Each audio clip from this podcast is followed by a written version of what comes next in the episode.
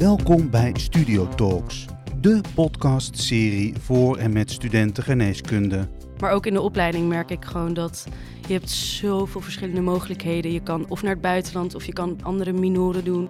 In deze podcast behandelen we telkens een actueel of interessant thema dat jou als student aangaat.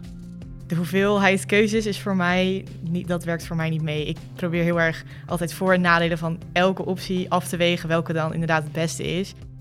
In deze aflevering spreekt Marjolein Pauw met Kobe Milet over keuzes maken in je studie en in je loopbaan. Enerzijds wensen we heel veel keuze te hebben, maar achteraf ehm, leidt het niet noodzakelijk tot meer geluk. Kobe werkt als universitair hoofddocent aan de School of Business and Economics van de VU, binnen de afdeling marketing. Je kan heel veel keuzes maken waarvan dat je denkt dat je gelukkig wordt, maar dat is misschien cynisch, maar soms weet je het ook gewoon niet waar, dat je, waar dat je over tien jaar wel gelukkig van wordt of niet gelukkig van wordt. Ook de gast zijn geneeskundestudenten Elin Willenborg en Tina Vekua. Kobe, fijn dat je er bent. Welkom. Goedemorgen. Zou je jezelf willen introduceren door te vertellen wie je bent en wat je doet op de VU? Ik ben ehm, werkzaam bij de afdeling marketing op de School of Business and Economics, maar ik ben psycholoog van opleiding. En ehm, waarom is het bij een afdeling marketing? Dat komt omdat marketeers door hadden dat consumenten heel vaak niet doen wat men vanuit standaard economische theorieën dacht dat mensen zouden doen. Nu, consumeren is heel breed. Ehm, dat gaat over bijvoorbeeld ecologische keuzes maken, gezonde keuzes maken. kan gaan over welke kledij draag ik vandaag. Maar kan dus evengoed gaan over de keuzes die je maakt bij een opleiding. En vandaar denk ik dat jullie bij mij zijn terechtgekomen. Dat klopt. We dachten, jou moeten we hebben. En we zijn blij dat je de uitnodiging geaccepteerd hebt. Fijn dat je er bent. Dank je. Tina, welkom. Dankjewel. Wil jij vertellen in welke fase van de opleiding jij bent? Zeker. Ehm, ik ben Tina, ik ben 21 jaar. En ik zit nu, eh, ik heb mijn bachelor afgelopen zomer afgerond. Eh, en ik zit nu in mijn wetenschappelijke stage. Dus eh, net begonnen met mijn master. Waarbij ik dus mijn masterthesis naar voren heb gehaald om die in mijn tussenjaar te doen. En waar gaat je wetenschappelijke stage over? Ehm, ik doe het bij de maagdarm-leverafdeling in het AMC, bij een PhD-kandidaat. Ehm, en het is een heel specifiek onderwerp, daar zal ik nu even Nee, niet, niet te goed. veel over vertellen. Maar Nee. het is heel leuk. Nou, fijn om te horen. Ja, Fijn dat je er bent. dankjewel. Elin, Ja. welkom. Dank je. In welke fase van de opleiding ben jij? Ehm, ik zit op dit moment in bachelor. Ik eh, zit in mijn derde jaar.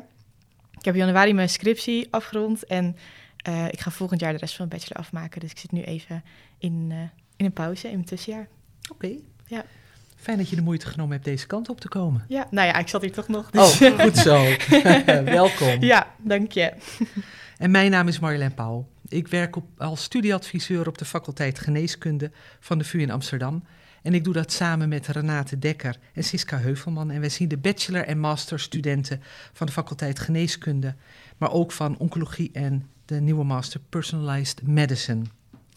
En dan kom ik toch als eerste, Kobe, bij jou. Is er iets wat jij in het algemeen kan vertellen over keuzes maken voor ons als mensen? Hetgene waar ik eh, spontaan aan denk, dat ik denk dat zeer relevant is en heel herkenbaar in onze westerse samenleving toch, is het feit dat we keuzevrijheid iets heel belangrijk vinden. En dat we het ook heel belangrijk vinden om de beste keuze te maken. Dus heel veel studenten die nemen een jaartje ertussenuit, omdat ze zeker willen zijn dat ze de beste keuze gaan maken. En eigenlijk zit daar dan een... eh, ik zal meteen misschien al een toelichting geven, of vind Ja, je dat nog graag. te ver gaan? Ehm, eigenlijk is er een heel interessant fenomeen dat, dat ik denk dat relevant is, en dus, dat heet de zogenaamde keuzeparadox. En de keuzeparadox is het feit dat we dus heel veel keuze waarderen. Want heel veel keuze betekent dat je ook beter die keuze zal kunnen vinden die bij je past, waardoor dat je de beste keuze kan maken. Maar als, je, als nu blijkt dat je meer keuze geeft aan mensen, zijn ze achteraf vaak ongelukkiger of hebben meer spijt. En de reden daarvoor is, als je meer keuzes hebt, kan je ook vaker een foute keuze maken. Of zie je vaker dat je keuze misschien niet de beste keuze is. En dan kunnen mensen al eens spijt hebben van de keuze die ze gemaakt hebben. Dus enerzijds wensen we heel veel keuze te hebben, maar achteraf ehm, leidt het niet noodzakelijk tot meer geluk. Wat meestal wel de bedoeling is van keuzes te maken, dat je er gelukkiger van wordt. Ja. Ik hoor je eigenlijk zeggen, keuze maken is stress. Eh, ja, Voor velen. noemt dit soms ook keuzestress. Ja. Ja, ja. ja. Her- Ja. Tina, herken jij dit? Eh, ja, zeker. Ik denk dat elke student dit wel herkent. Want als je klaar bent met je middelbare school, is het gelijk wie gaat wat doen en welke studie ga jij doen. En het is gelijk al zo'n grote beslissing die je moet maken op best wel jonge leeftijd. Ehm, maar ook in de opleiding merk ik gewoon dat je hebt zoveel verschillende mogelijkheden. Je kan of naar het buitenland, of je kan aan andere minoren doen, of je kan ook in de master eigenlijk het laatste jaar heel erg anders inrichten hoe jij dat wil. Ehm, en dat zorgt echt voor, voor keuzestress. En je kijkt echt, tenminste, ik kijk heel erg om me heen van hoe doen zij het? En dan proberen te kijken, oké, wat is het beste voor mij? Ja, dus Ja. kijken naar anderen helpt. In Ja, die zin voor jou. Zeker wel, want dat kan, eh, ja, dan kan ik kijken van, oké, die doet het zo. Ehm, past dat ook bij mij of wil ik het dan op, daarop lijken, maar dan net anders aanpakken? Ehm, en ook met eh, wetenschappelijke stage. Ik twijfelde bijvoorbeeld heel erg of ik het aan het begin wilde doen of aan het einde. En daar had ik ook toen jou een keertje voor benaderd van wat is denk je beter. Ehm, en nu heb ik toch besloten om het aan het begin te doen, omdat ik in mijn tussenjaar zat en ik dacht, ik deed heel veel leuke dingen, maar ik dacht, oh, dit kan ik eigenlijk ook gewoon nu bij doen. En eh, op zich ook heel erg blij mee dat ik dat heb gedaan. Eh, maar dat was ook wel echt stress, omdat ik eh, heel veel studenten kende die dan al klaar waren met een masterthesis. En toen dacht ik van, oh, oké, moet ik nu sneller werken of minder? En nou ja, dat dus. Ja. ja. Is dit voor jou herkenbaar, Elin? Ja, zeker. Zeker. Vooral, ik ben een hele logische nadenker. Dus wat Kobe ook al zei, de hoeveelheid keuzes is voor mij niet, dat werkt voor mij niet mee. Ik probeer heel erg altijd voor- en nadelen van elke optie af te wegen, welke dan inderdaad het beste is. En ja, als ik daar gewoon te veel over nadenk, dan weet ik helemaal niet meer wat ik moet kiezen.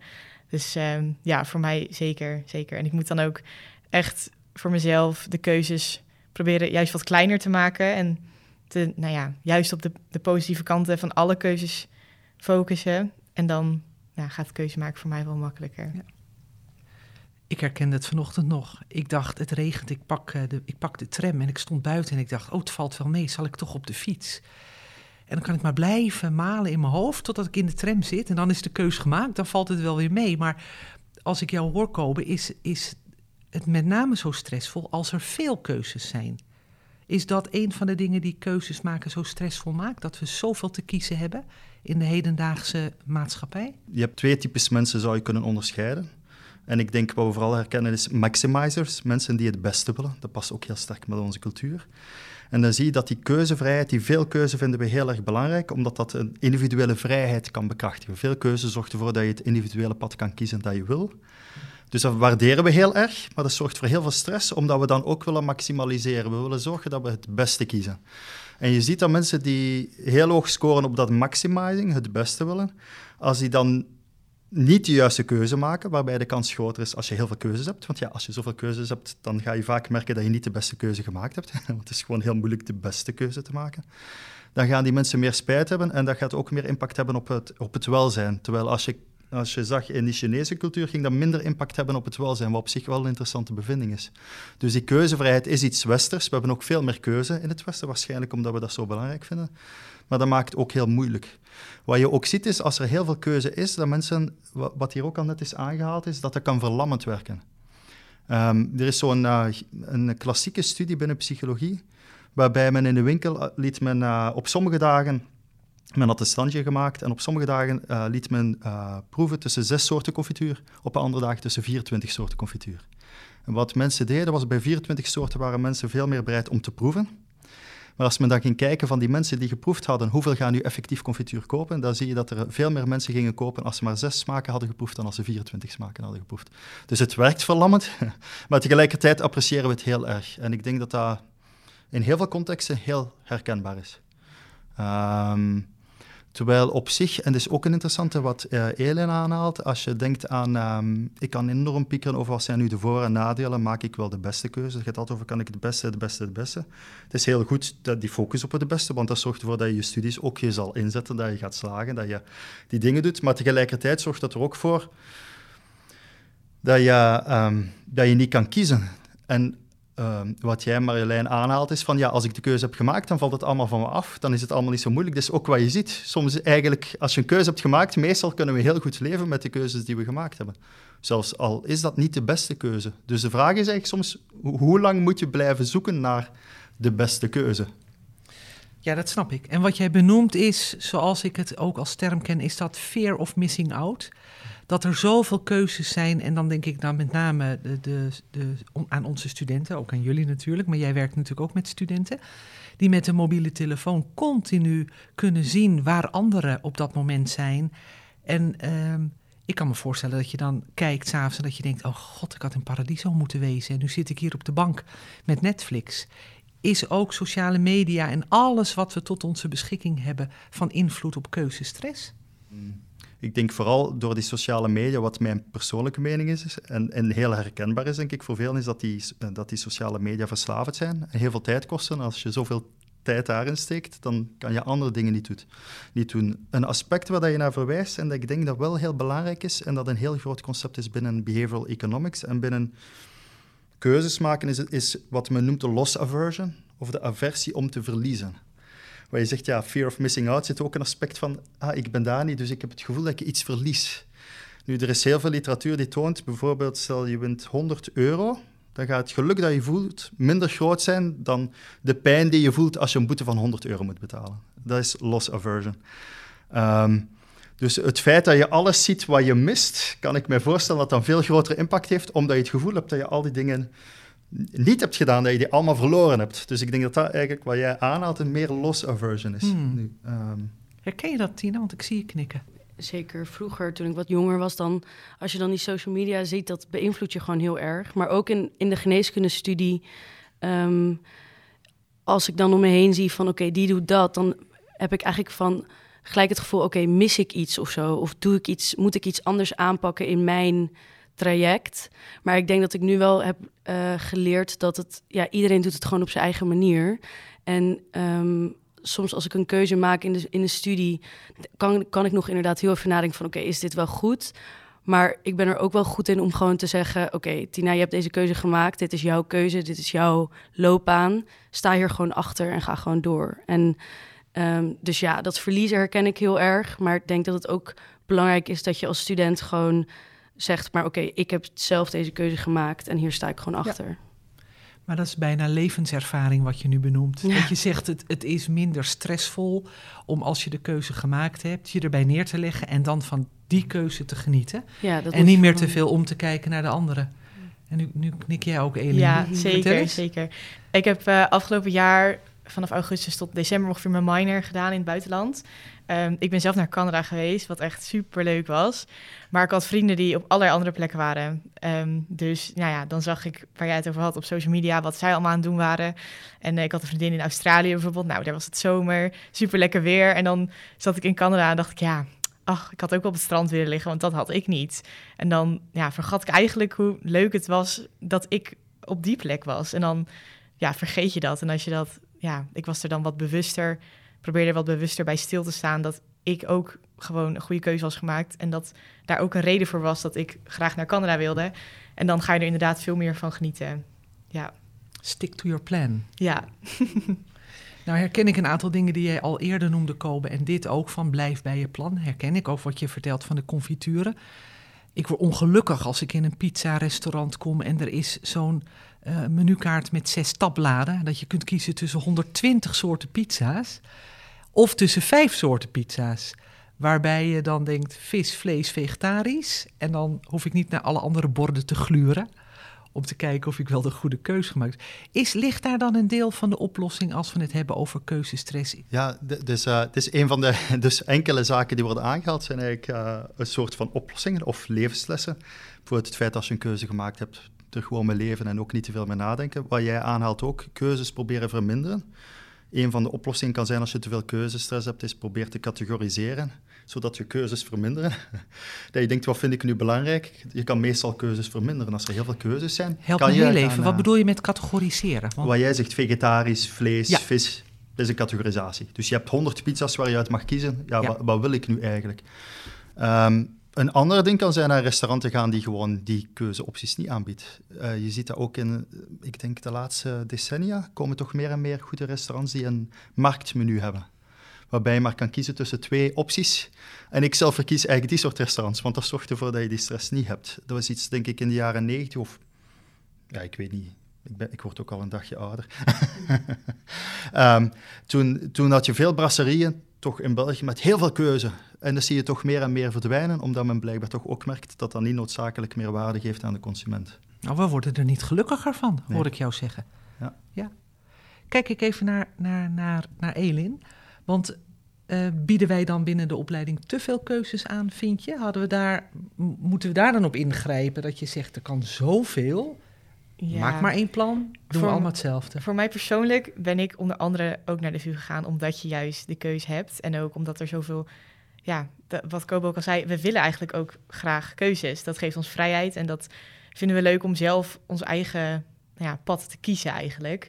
En ik denk dat nou, voor onze universiteit dat het er goede begeleiding is als je even niet weet wat voor keuze je moet maken. Dus ik ben eigenlijk juist heel blij dat we zelf dat er zoveel flexibiliteit is en dat je zelf kan kiezen wat je doet binnen de opleiding. Ja. ja.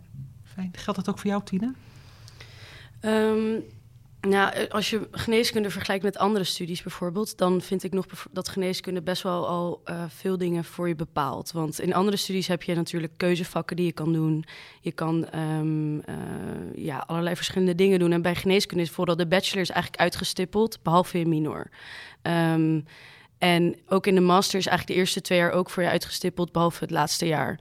Ehm, dus aan de ene kant denk ik, oké, fijn, je hebt een soort houvast en je doet het gewoon en je bent gewoon de hele tijd aan het uitvoeren. Ehm, maar aan de andere kant denk ik ook van, oké, ehm, misschien wil ik toch wel iets meer keuze of zo in de bachelor. Maar natuurlijk, het minor, ik bedoel, ik ben in het buitenland geweest ook voor mijn minor. En dat was dan voor mij wel echt de beste keuze die ik had gemaakt tijdens mijn bachelor. Maar ik merkte wel dat het lastig was om die keuze te maken, omdat om je heen heel veel mensen dat eh, toch niet zo erg deden. Dus heel veel mensen bleven wel gewoon in Amsterdam en dat is ook op zich wel logisch en deden gewoon een minor aan de VU. Ehm, en dat is een soort drempel of zo wat je over moet gaan, denk ik. En ik heb het gevoel dat geneeskunde gewoon voor nu is het, ik denk voor, nu, voor mij is het gewoon perfect. Dus het is en een goede houvast en eh, de mogelijkheid om keuzes te maken. Ehm, maar ja, misschien toch wel meer keuzevakken of zo werkt voor mij beter. Je hebt echt wel een manier gevonden om daarmee om te gaan, als ik het zo hoor. Ja, Ja. ja. Het is tijd om te gaan bellen. Het is eh, in iedere podcast gewoonte om te bellen met iemand eh, buiten deze spreektafel. En vandaag gaan we bellen met de basisarts Tim Verwij. En we vroegen hem hoe hij tot keuzes komt op zijn werk. Zodra je bijvoorbeeld op de spoedeisende hulp begint, krijg je een, een, een soort cursus aangeboden. Eh, een ATLS-cursus, een, een soort eh, ja, om systematisch een patiënt te benaderen. Ehm, en het fijne is dat je eigenlijk altijd dat als een beetje als houvast, als kapstok eh, kan houden. Dus als je het even niet meer weet, kan je altijd gewoon systematisch terug naar ja, eerst je A van airway, dan je B van breathing, dan je C van circulation. Dus dat, daar kan je eigenlijk altijd op terugvallen.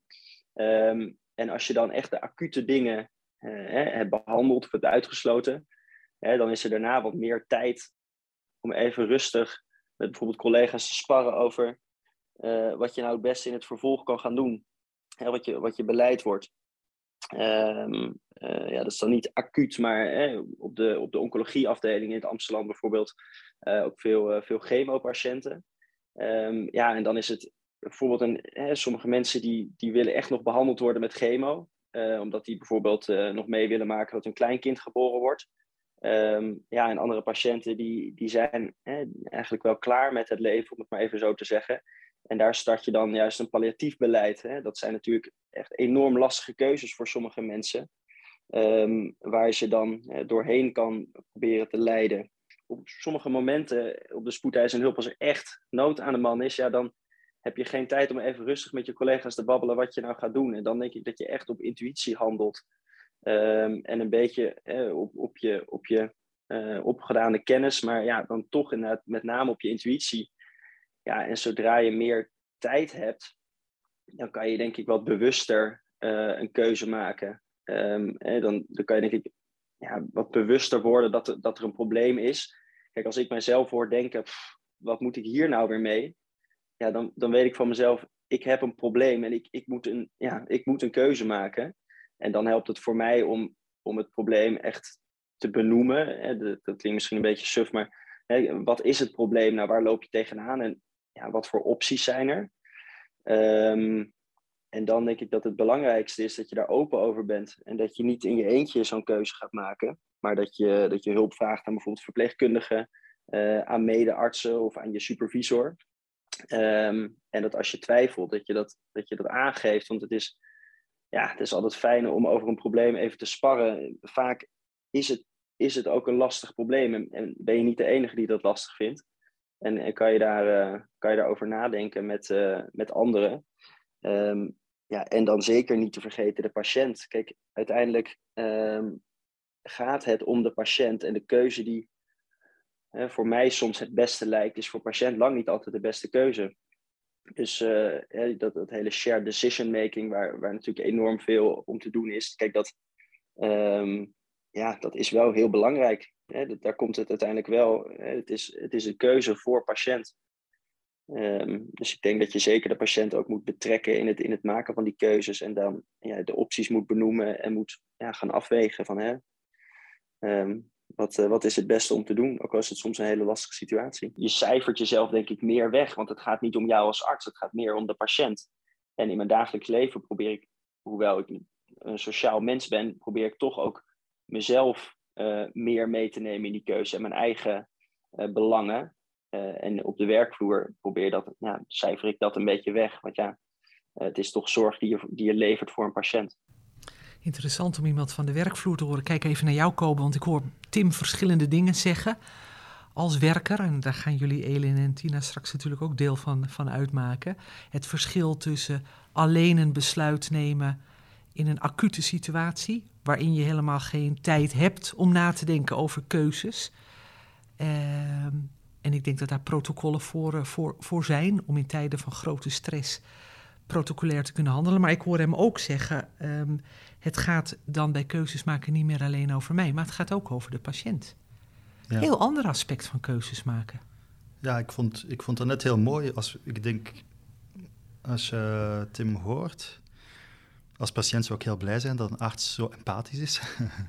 Want het is niet zo, dat lijkt heel evident empathisch zijn, maar eigenlijk is dat iets heel moeilijk. Um, en daar is ook redelijk wat onderzoek over. Bijvoorbeeld als je, als je zelfs mensen vraagt uh, wat ze zouden willen in een bepaalde situatie, waarbij ze meer emotioneel zijn, dan kunnen we dat van onszelf heel moeilijk inschatten. Nu, een voorbeeld dat relevant is in deze context, is bijvoorbeeld een studie waarbij men vroeg aan 40-jarigen, geloof ik, stel dat je nog een paar maanden te leven hebt, dus je hebt kanker of een ziekte waarbij je weet dat je gaat sterven, maar je kan nu een heel pijnlijke behandeling volgen, uh, waarbij je leven één maand verlengd wordt. Zou je die wel doen of niet doen?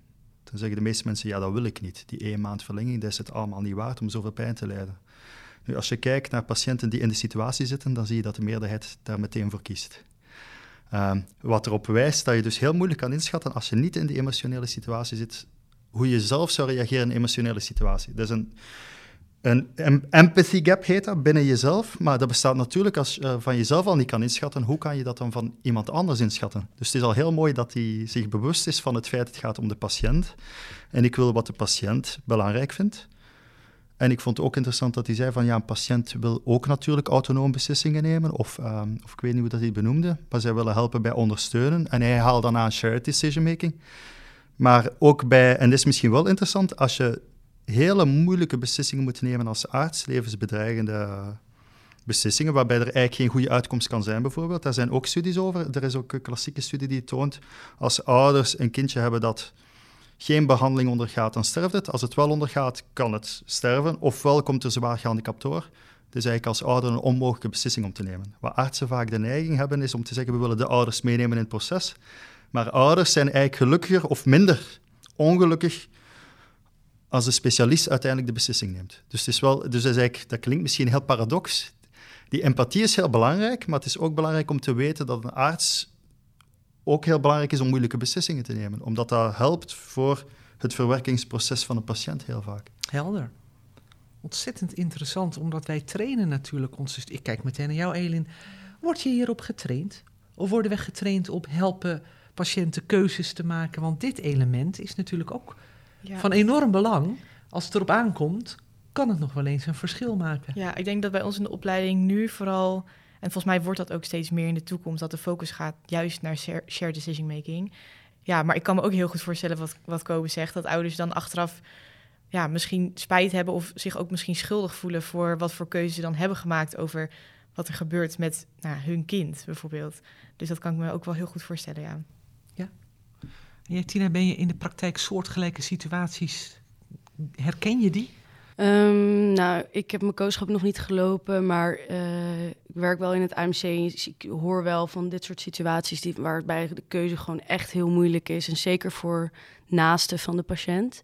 Um, en ik denk dat het heel belangrijk is om shared decision making uh, aan te houden. Dus als arts moet je gewoon luisteren, oké, wat wil de patiënt? Eigenlijk als de arts een beslissing neemt, dan is dat eigenlijk het paternalistische model. Dus dan neemt de arts eigenlijk de beslissing over de patiënt, omdat hij of zij de meeste informatie daarover uh, tot beschikking hebben. Ik denk dat het gewoon belangrijk is dat je eigenlijk ook als arts weet: oké, wanneer moet ik als arts zeggen naar mijn mening is dit het beste wat jullie kunnen doen. Um, en wanneer zeg ik dat niet en laat ik de, keu uh, laat ik de keuze volledig aan de, aan de ja. patiënten over. Ja. Ik, ongelooflijk interessant, Kobe. Hier kunnen we nog uren over doorpraten. Die tijd hebben we niet. Maar als ik jou nog probeer even te, te, te herinneren in wat je allemaal gezegd hebt, is dat we willen allemaal zo gelukkig zijn maximaal gelukkig. En we zien ook dat iedereen, met name op social media, maximaal gelukkig is. Of het waar is of niet, is een tweede.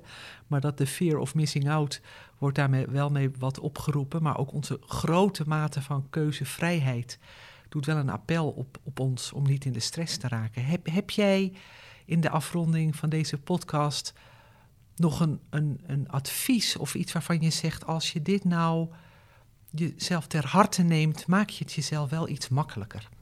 Ik heb eigenlijk een, uh, als ik je hoor, denk ik aan iets anders, maar denk ik dat wel relevant is. Vertel. Ik weet niet of het een advies is. Als we praten over geluk, dan praten we zeker bij studies of over wa wat je kiest, dan kies je iets wat je over tien jaar gaat doen, bijvoorbeeld. En als we denken aan onszelf, dan denken we vaak, de persoon die ik op dit moment ben, denk ik dat ik zo altijd zal blijven de rest van mijn leven. Dus als ik terugkijk naar tien jaar geleden, ben ik veranderd. Ik luister niet meer naar dezelfde muziek. Ik heb andere voorkeuren, ik heb andere interesses. Of toch, ja, er zijn natuurlijk constantes, maar toch redelijk veel variatie. Als ik denk over tien jaar, dan denk ik dat ik dezelfde persoon ben als vandaag. Nu, is onderzoek dat toont, het is helemaal niet zo. Je blijft evenveel veranderen. Dus je kan heel veel keuzes maken waarvan dat je denkt dat je gelukkig wordt, maar dat is misschien cynisch, maar soms weet je het ook gewoon niet waar, je, je over tien jaar wel gelukkig van wordt of niet gelukkig van wordt. En dan lijkt het, als je daar bewust van bent, kan het misschien wel gemakkelijk maken. Omdat je dan denkt van, ja, misschien moet je het op een bepaald moment ook gewoon maar laten gaan. Ja, ik vind het een prachtig advies. Je zegt misschien is het geen advies, maar ik vind het een prachtig advies. Want wat je eigenlijk zegt is, soms mag je ook gewoon doen wat op dat moment het beste lijkt. En niet te veel te bedenken wat er allemaal bij kan komen. Want het leven blijft zich veranderen. Elin, heb jij nog een tip voor ons en voor je medestudenten? Um, ik denk dat dat een beetje aansluit op wat Kobo zegt, inderdaad. Van je weet niet wat je over zoveel jaren nog leuk of niet leuk vindt. En misschien maakt het ook eigenlijk wel helemaal niet zo heel veel uit over zoveel jaar. Of je nu bijvoorbeeld nou, wel of niet naar een feestje bent geweest. Over vijf jaar maakt dat echt niet uit.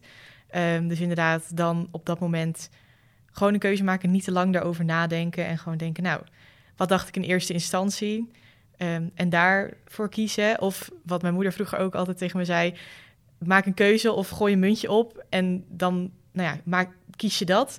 En als je dan denkt, eigenlijk wil ik dat helemaal niet, dan kies je gewoon voor het andere. En dan, ja, dat helpt mij ook altijd eigenlijk wel heel erg met keuzes maken. Dat je het eigenlijk wel weet, maar te lang erover nadenkt en dat je dan toch gaat twijfelen. Dus dat kan ook helpen. Een keuze maken en dan denken, wil ik dit eigenlijk? Ja, nou dan ga ik en anders kies je toch het andere. Dankjewel.